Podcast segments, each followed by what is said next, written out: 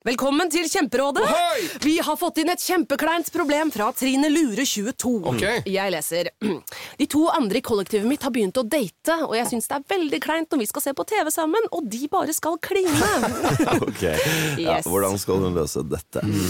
Siden Trine Lure er under 30, får hun jo ubegrenset data fra Telenor fra 399 kroner. Da Da kan hun sette seg på sitt eget rom, streame så mye hun vil på mobilen. Ja, hun kan jo se på nye mobilabonnement på telenor.no. Ja, det er lurt.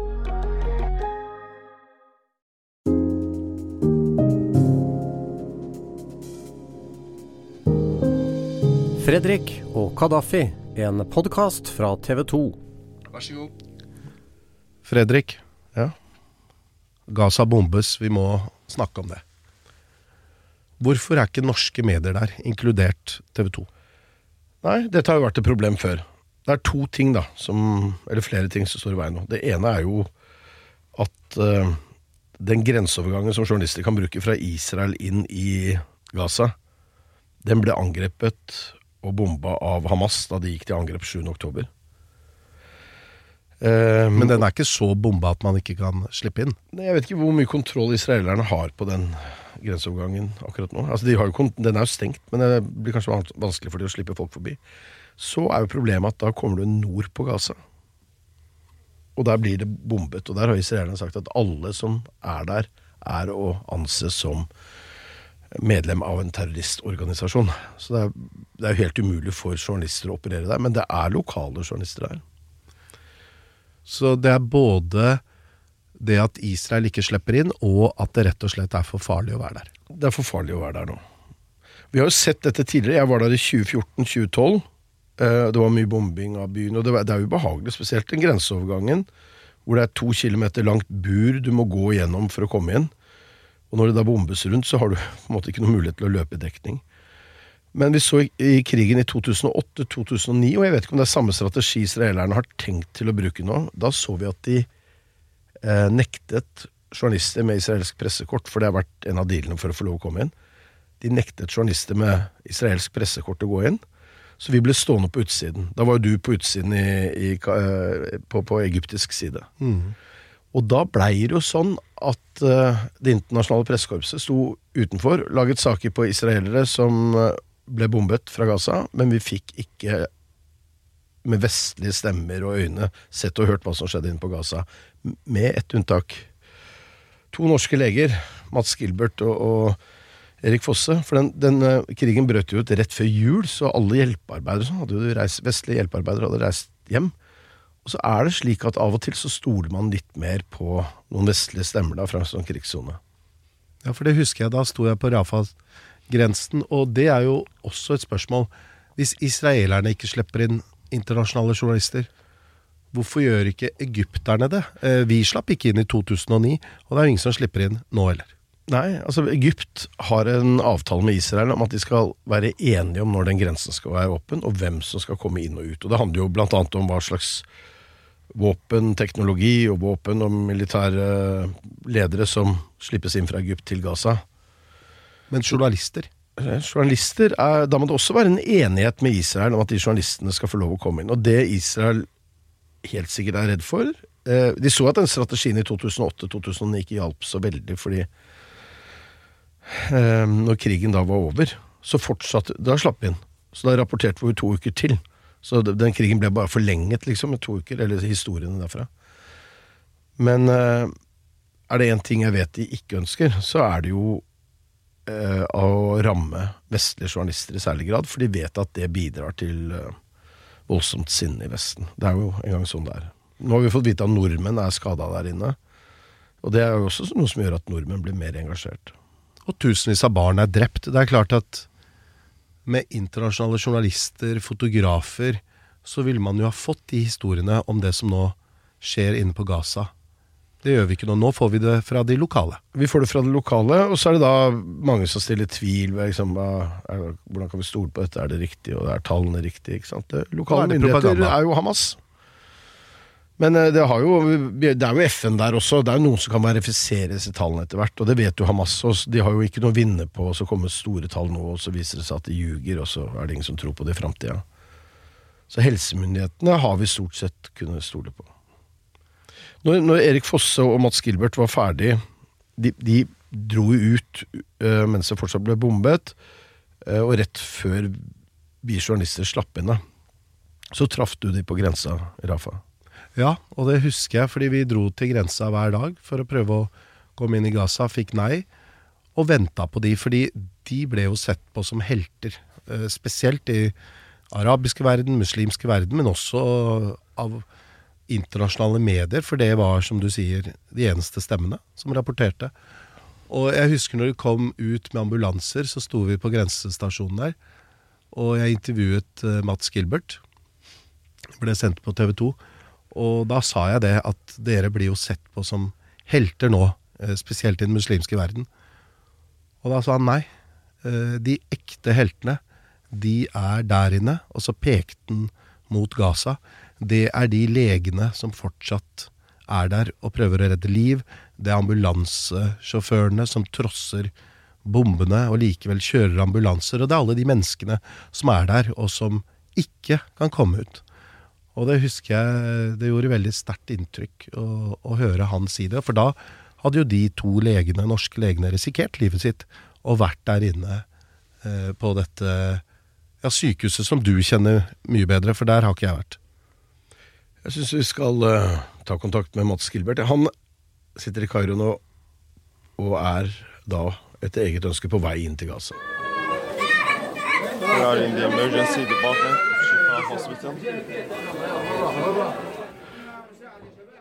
Mats, den eh, lyden her, det er lyden fra Skifa-sykehuset som du sendte meg i eh, går kveld.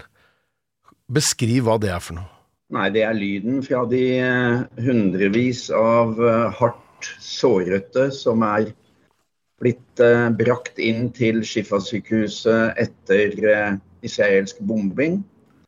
Eh, Det er barn som skriker, det er voksne som skriker, det er fortvilte mennesker som eh, prøver å gi uttrykk for eh, smerte, redsel, og de roper på sine.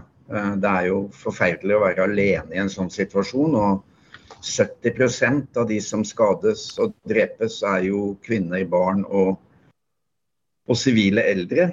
Eh, Og for dem er det jo veldig viktig å ikke være alene i situasjonen. Eh, Så dette var eh, den ekte lyden av forholdene på Gazas største sykehus. Shifa-sykehuset, hvor Erik Foss og jeg har jobbet mange, mange ganger. både i rolige perioder, men først og fremst under perioder med israelske angrep på Gaza. Vi, jeg har jobbet der i 2006, 2009, 2012 og 2014. Erik var også inne i 2021, da slapp ikke jeg inn. Eh, Så dette er forholdene for mennesker som deg og meg, Fredrik. Eh, Det er ubeskrivelige forhold. Jeg har fått to nye videoer nå på morgenkvisten i firetiden fra dr. Marwan Abusada, som er en meget erfaren kirurg eh, som jeg har jobbet sammen med i mange år. Og han viser hvordan de skadde nå ikke lenger ligger på bårer og i senger, men de ligger rett på gulvet. Og eh, mange har ikke personell til å ta vare på seg. Eh, du ser pustemaskiner, forenklede pustemaskiner som, eh, som går uh, uten at det er personell til stede. Det er lagt uh, aluminiumsfolier over de skadde for at de ikke skal bli nedkjølt. Men det er altså ikke kapasitet, og det sier nå våre kolleger, det er ikke kapasitet i Gaza til å behandle alle de skadde. Og tallene er jo grufulle. Den siste rapporten vi fikk fra foregående 24 timer, da var det 704 drepte i bombeangrep. Det var vel eh, 700 bombeangrep. Og det var av de 704 drepte, var det 305 barn foregående 24 timer. Det er altså ti skoleklasser som ble drept av israelsk bombing. Og tallet på drepte barn og barn, det er nå 2600 drepte barn. Som eh, jo er et ganske utrolig tall. Vi hører jo at ø, voksne og barn gjennomgår operasjoner, amputasjoner, uten at det blir brukt eh, bedøvelse. Nei, det stemmer ikke. Eh, Palestinske leger er eh, moderne helsearbeidere. Det palestinske helsevesenet er et moderne helsevesen med personell, både sykepleiere og leger, ambulansepersonell som er godt utdannet. Det er jo to store universitet som har egen medisinsk skole utdannet leger. De vil ikke gjøre store operasjoner uten narkose. Det er bare en annen fortelling som skal umenneskeliggjøre palestinerne. De mangler lokalbedøvelse, de mangler narkosemidler. Og vi har fått informasjon om at narkosemidler plukkes ut av de få forsyningene som har kommet inn over Rafah. Men hvis det er operasjoner som krever generell anestesi, f.eks. operasjoner dypt i brysthulen eller å åpne bukhulen, så må de la være å gjøre de operasjonene hvis de ikke har muligheter til full narkose. Og Det betyr at de pasientene da legges til side for å dø. Det kan være eh, enkelte medisinske prosedyrer som å rense sår, skifte på sår, eh, legge gips på et brudd, eh, kanskje stripse et sår i pannen på et barn som ikke vil få den lokalbedøvelsen som vi ellers ville gitt, men at det foregår store operasjoner uten narkose i Gaza, det er bare en annen måte å prøve å uh, umenneskeliggjøre palestinerne på. De gjør så godt de kan, men det er helt riktig at det er ikke nok operasjonsstuer og det er ikke nok medisinsk utstyr til å gi kirurgisk behandling til alle de som er skadet. Det er altså nå 16 300 krigsskadde i Gaza. Jeg gjentar 16 300. Prøv å tenke deg at Oslo-sykehusene skulle håndtere 16 300 alvorlig skadde, og at Aker, Ullevål og Rikshospitalet og Diakonhjemmet og Lovisenberg ikke hadde vann, ikke hadde strøm, ikke hadde medisinske forsyninger, og at helsepersonellet ble utsatt for angrep. Det er Til nå så er det altså drept Eh, hvor mye var det siste tallet? 50 helsearbeidere og skadet omkring 100. Tolv av sykehusene i Gaza er stengt ned fordi de ikke har utstyr, eller at de er skadet i bombing. Og 32 primærhelsetjenester, eh, sentre, primær, altså helsesentre, er stengt. Dvs. Si at nærmere 50 helseinstitusjoner i Gaza er stengt. Sånn at eh, det er ikke kapasitet nå. Så må man huske det, Fredrik, at uh, i en befolkning på 2,2 millioner, så får folk hjerteinfarkt. De får blindtarmbetennelse. De skal føde. De skal ha medisinsk behandling for akutte psykoser. Uh, og alt dette skal også tas hånd om i et, helse, et helsevesen som altså skal fungere og behandle 16 000 skadde. Når da okkupasjonsmakten Israel helt med fullt overlegg skrur av strømmen og skrur av vannet til Gaza og skrur av forsyninger av mat og medisiner og drivstoff til eh, aggregatene, så sier det seg selv at dette er en fullt overlagt drapsmekanisme som rammer sivilbefolkningen i Gaza. Du og Erik Fosse fra organisasjonen Norvak, dere har forsøkt å komme dere inn til Gaza med medisinsk utstyr og den kompetansen dere har for å bistå eh, medisinsk personell der inne. Hva er situasjonen for dere nå? Vi har eh, sittet i Kairo, og for så vidt ikke sittet og ventet, men vi har vært i Kairo i to uker. Vi er nå på palestinske Røde Halvmåne sitt sykehus i Kairo, som heter Palestine Hospital som også drives av palestinsk Røde Kors. Her har vi fått låne en gjesteleilighet. og Vi har et tett samarbeid med ambassaden, den norske ambassaden, som har jobbet intenst for å få på plass de nødvendige fullmakter og tillatelser. Det er nemlig slik at uh, grensen, det er jo ikke en formell grense, men, men overgangen fra Egypt og inn i Gaza det ligger på den eh, stasjonen eh, som heter Raffa, som folk har hørt mye om nå. For å komme til Raffa fra Kairo, så må du først over Suezkanalen, og så må du kjøre med en spesialtaxi eller en spesialtransport gjennom Sinai-ørkenen, som er stengt militært område fra egyptisk side. Og Så kommer du da eh, opp til eh, Rafah, og så må du ha tillatelse til å komme inn på den egyptiske siden. Og i dette komplekset som er denne grensestasjonen, så er det da en palestinsk del på nordsiden, og så er det den eh, egyptiske delen på sørsiden. Vi har ikke vært i stand til å komme oss en gang til Rafa pga. at Sinai-ørkenen er helt avstengt for alle, unntatt eh, egyptisk militære. Så vi har fått tillatelser fra Innenriksdepartementet og Utenriksdepartementet på egyptisk side, men vi har ikke fått den siste viktige tillatelsen fra GIS, General Intelligence Service, som er det egyptiske sikkerhetssystemet på militær side.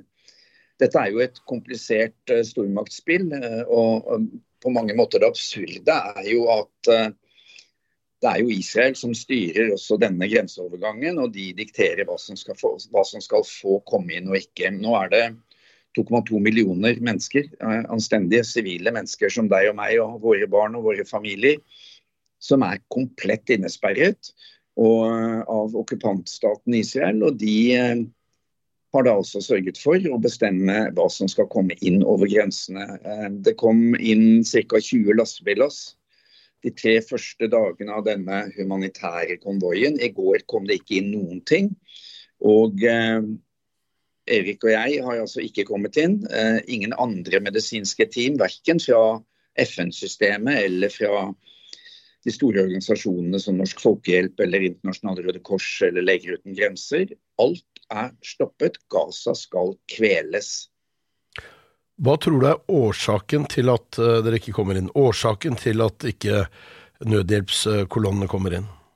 Nei, Det er jo en kollektiv straff, som Israel har sagt klart og tydelig. De sa jo det helt i starten for 14 dager siden, da de skrudde på denne ekstremt brutale blokaden. Altså Man skal jo huske at Gaza har vært under eh, beleiring og blokade i 17 år nå. Så palestinerne i Gaza er jo veldig vant med at det er begrensninger på alt. Arbeidsledigheten er jo 40-50% fattigdommen ligger på 60% av familiene. Det er mangel på alt. 90-95% av vannet i Gaza er ikke drikkbart. Men de har nok klart seg på en måte. Og eh, i de periodene hvor det ikke har vært bombing, så har det vært 400-600 lastebillass hvert døgn til Gaza for å kunne eh, gi det et minimum av liv til de 2,2 millionene. Når Israel nå startet angrepene, så uh, sa de at det ville bli en total blokade av Gaza. Det har ikke skjedd før. De skrudde av vannet, de skrudde av strømmen, uh, og de stengte alle disse overgangene.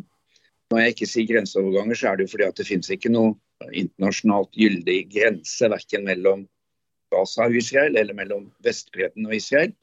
Men det er jo en, en, rekke overganger, spesielt to. Det er Rafa fra Egypt, og så er det Khmer Shalom, som ligger helt nede til høyre i hjørnet av denne rektangulære Gazastripen, som da er under full israelsk kontroll. Det siste er også en grenseovergang til Israel derfra.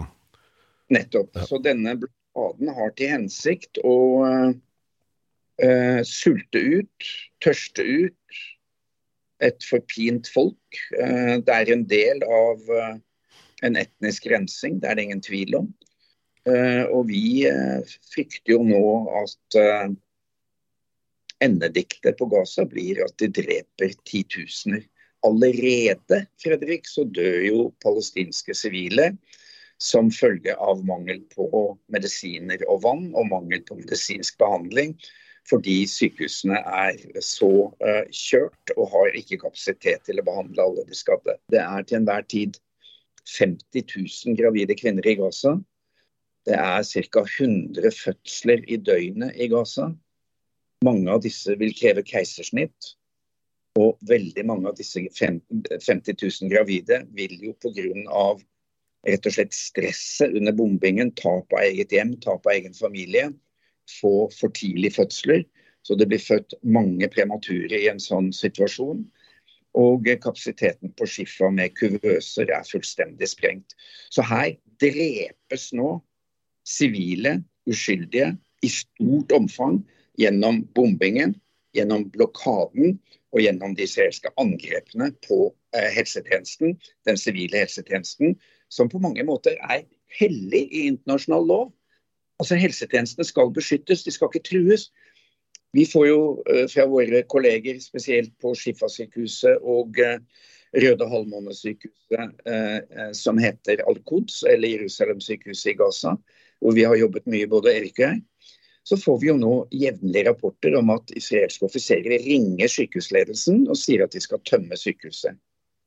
Det sier sykehusledelsen både i helseministeriet i Gaza og i palestinske Røde Halvmåne formelt nei til. De nekter. Og natt til i forgårs så var det bombing veldig tett rundt hele Røde Halvmånesykehuset, midt i Gaza by.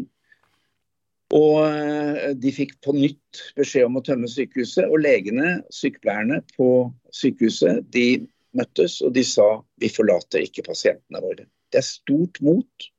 Det er mennesker med et moralsk intakt kompass som velger å være hos sine pasienter. Og i tillegg er jo sykehusene fullstendig overfylte av flyktninger som søker ly. Det er jo kanskje nå 220 000 hjemløse i Gaza som følge av den israelske bombingen av boligområder, som har vært massiv, og som følge av at mange følte seg truet til å forlate egne hjem og dra sør for Wadi, som er liksom midten på Gaza, fordi israelerne sa at hvis de var i nord, så ville de bli definert som terrorister. Dette er jo også en uh, forced uh, expulsion. Dette er en tvunget forflytning av folkegrupper. Så helt forbudt etter folkeretten. Også en del av etnisk rensing. Så veldig mange familier er uten hjem nå, og de søker til sykehusene for å prøve å finne et sikkert sted. Det er jo ikke sikkert, men det er i hvert fall et sted hvor det enn så lenge er bygningsstrukturer å være i. Så Vi får jo videoer og, og, fortellinger fra våre kolleger om at sykehusene er fullstendig eh, overfylt i korridorer, på venterom, på stoler, i, i ganger, på, eh, på, sykerom av disse tusenvis av hjemløse palestinske sivile som prøver å finne en slags beskyttelse.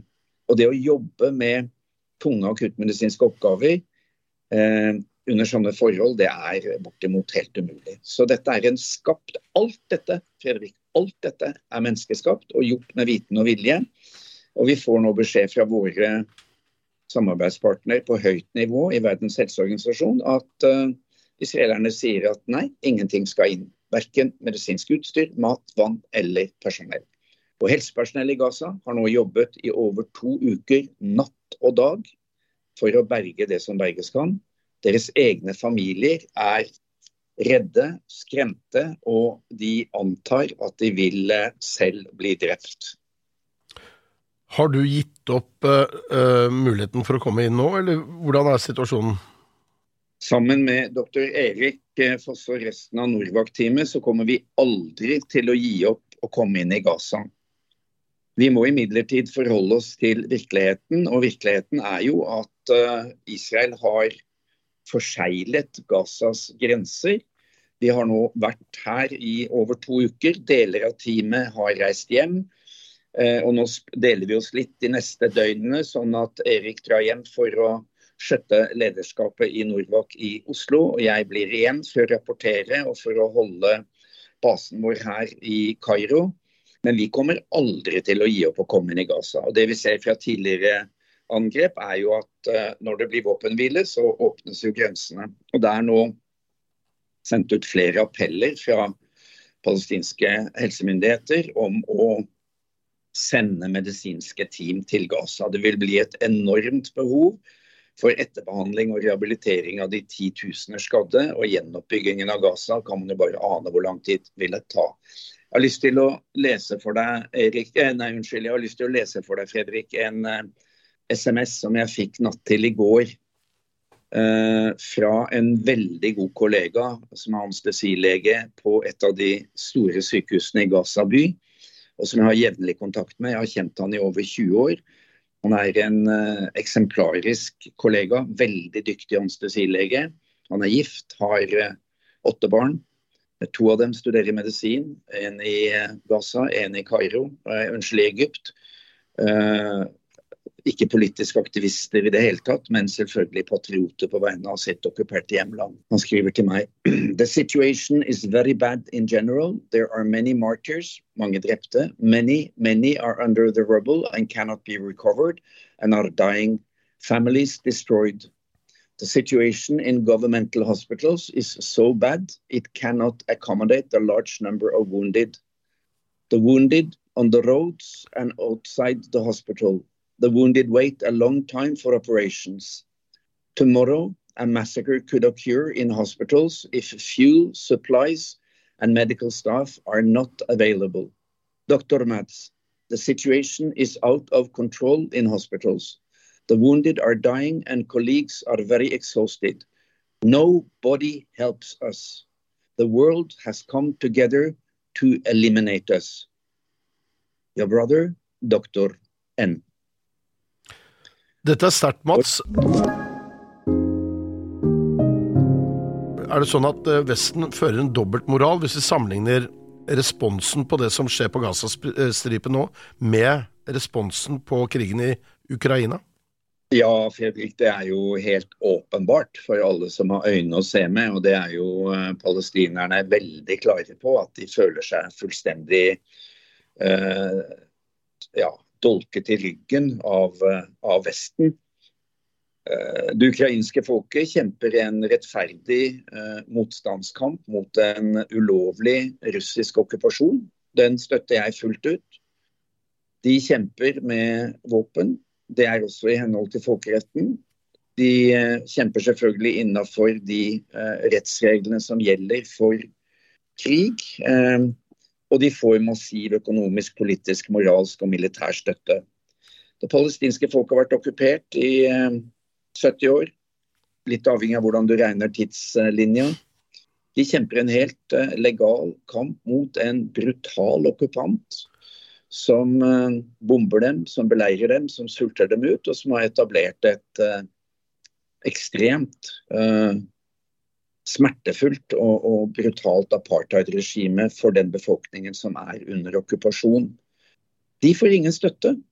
De blir derimot uh, beskrevet som terrorister fordi de fører en kamp for sitt folk, for sin sivilbefolkning. Både for beskyttelse, men også for frigjøring av landet sitt.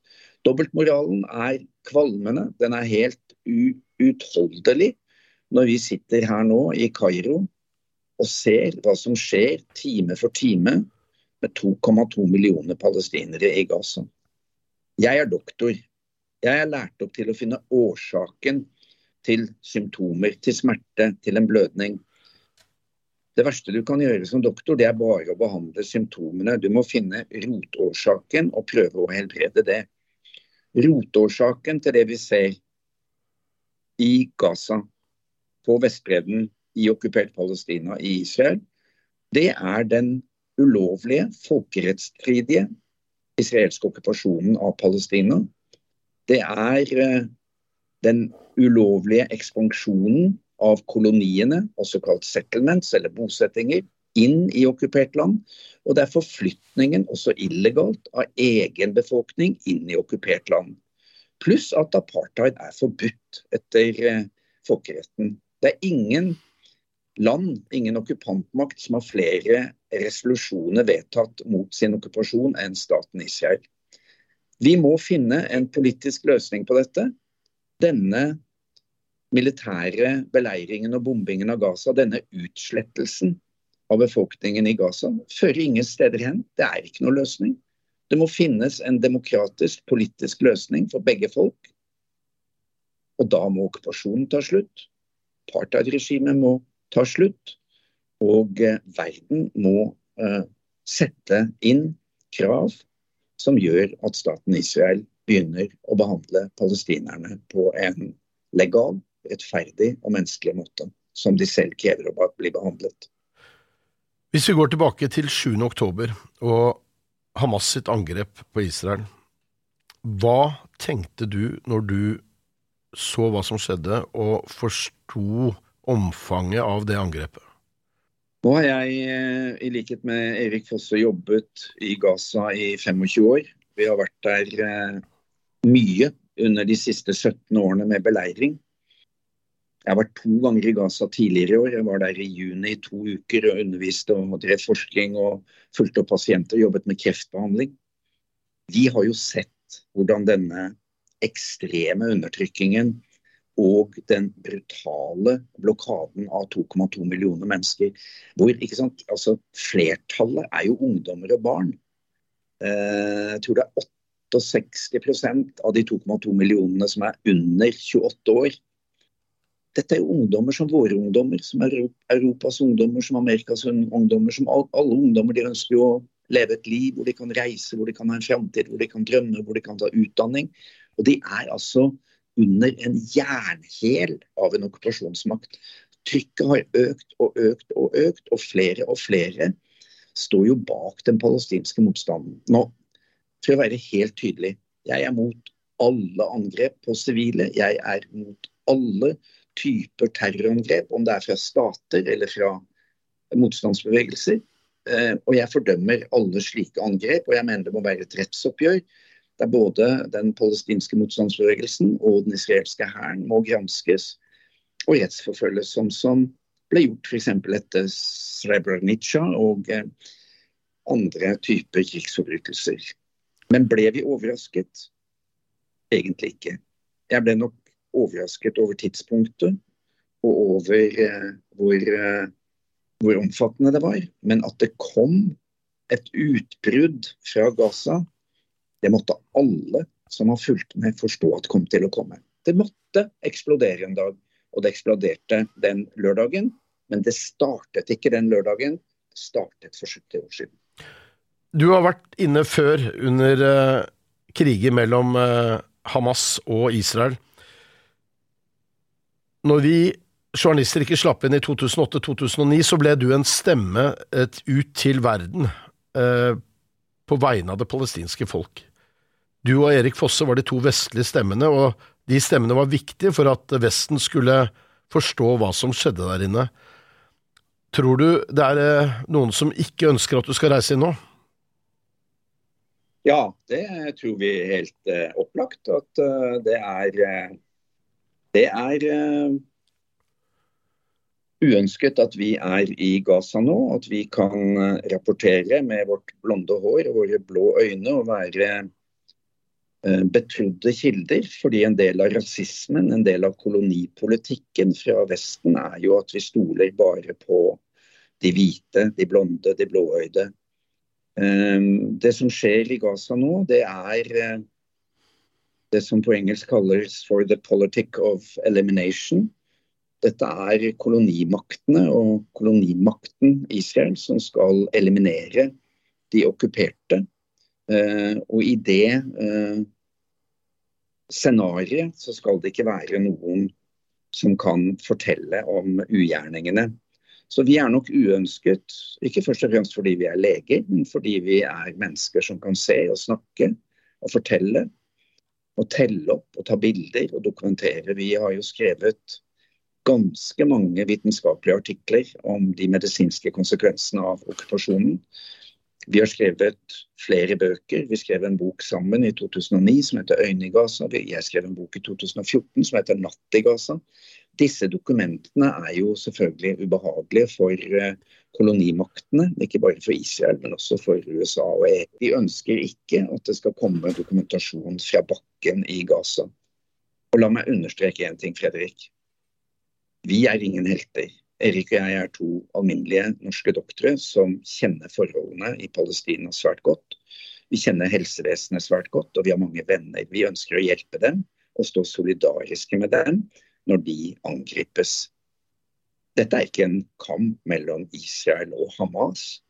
Dette er en kamp mellom eh, kolonimakten Israel og det koloniale Vesten og den palestinske motstandsbevegelsen. Jeg var i Beirut i 1982. Da invaderte Libanon. Da invaderte Israel Libanon, for da skulle de drepe ledelsen i PLO, som da var de som ble definert som terroristene. Da skulle Yasir Arafat drepes, og ledelsen i PLO skulle drepes. For da var det de som gjorde væpnet motstand mot okkupasjonen. Nå heter motstandsbevegelsen Hamas og Shihad. Og nå dannes det hele tiden dette bildet, et forsøk på å forvri fortellingen om kolonimaktenes endeløse forsøk på å utradere de okkuperte og deres motstandsvilje. Jeg støtter ikke terror, men jeg støtter de undertrykte folkenes rett til å kjempe mot undertrykking, mot okkupasjon og mot apartheid, akkurat som jeg støtter motstandskampen i Ukraina. Det bør folk ta stilling til nå, for nå er altså palestinerne i Gaza i ferd med å bli utslettet. Tenker du på egen sikkerhet når du drar inn? Vi tenker alltid på egen sikkerhet, selvfølgelig gjør vi det. Men vi tenker først og fremst på sikkerheten til eh, de som er eh, på de palestinske sykehusene i Gaza og på helsepersonellet og ambulansepersonellet. Jeg har to døtre og fire barnebarn.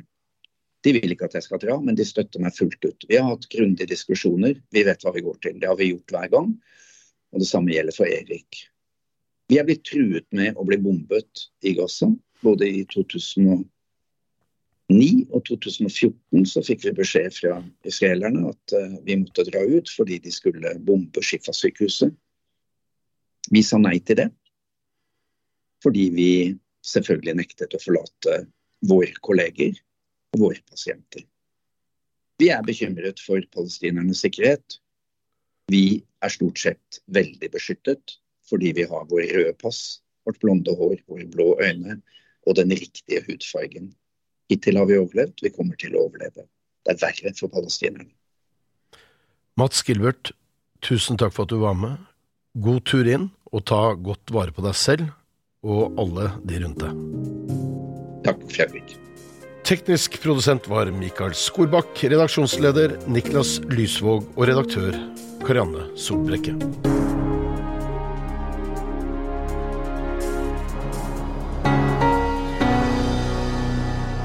Denne podkasten er produsert av Bauer Media for TV 2.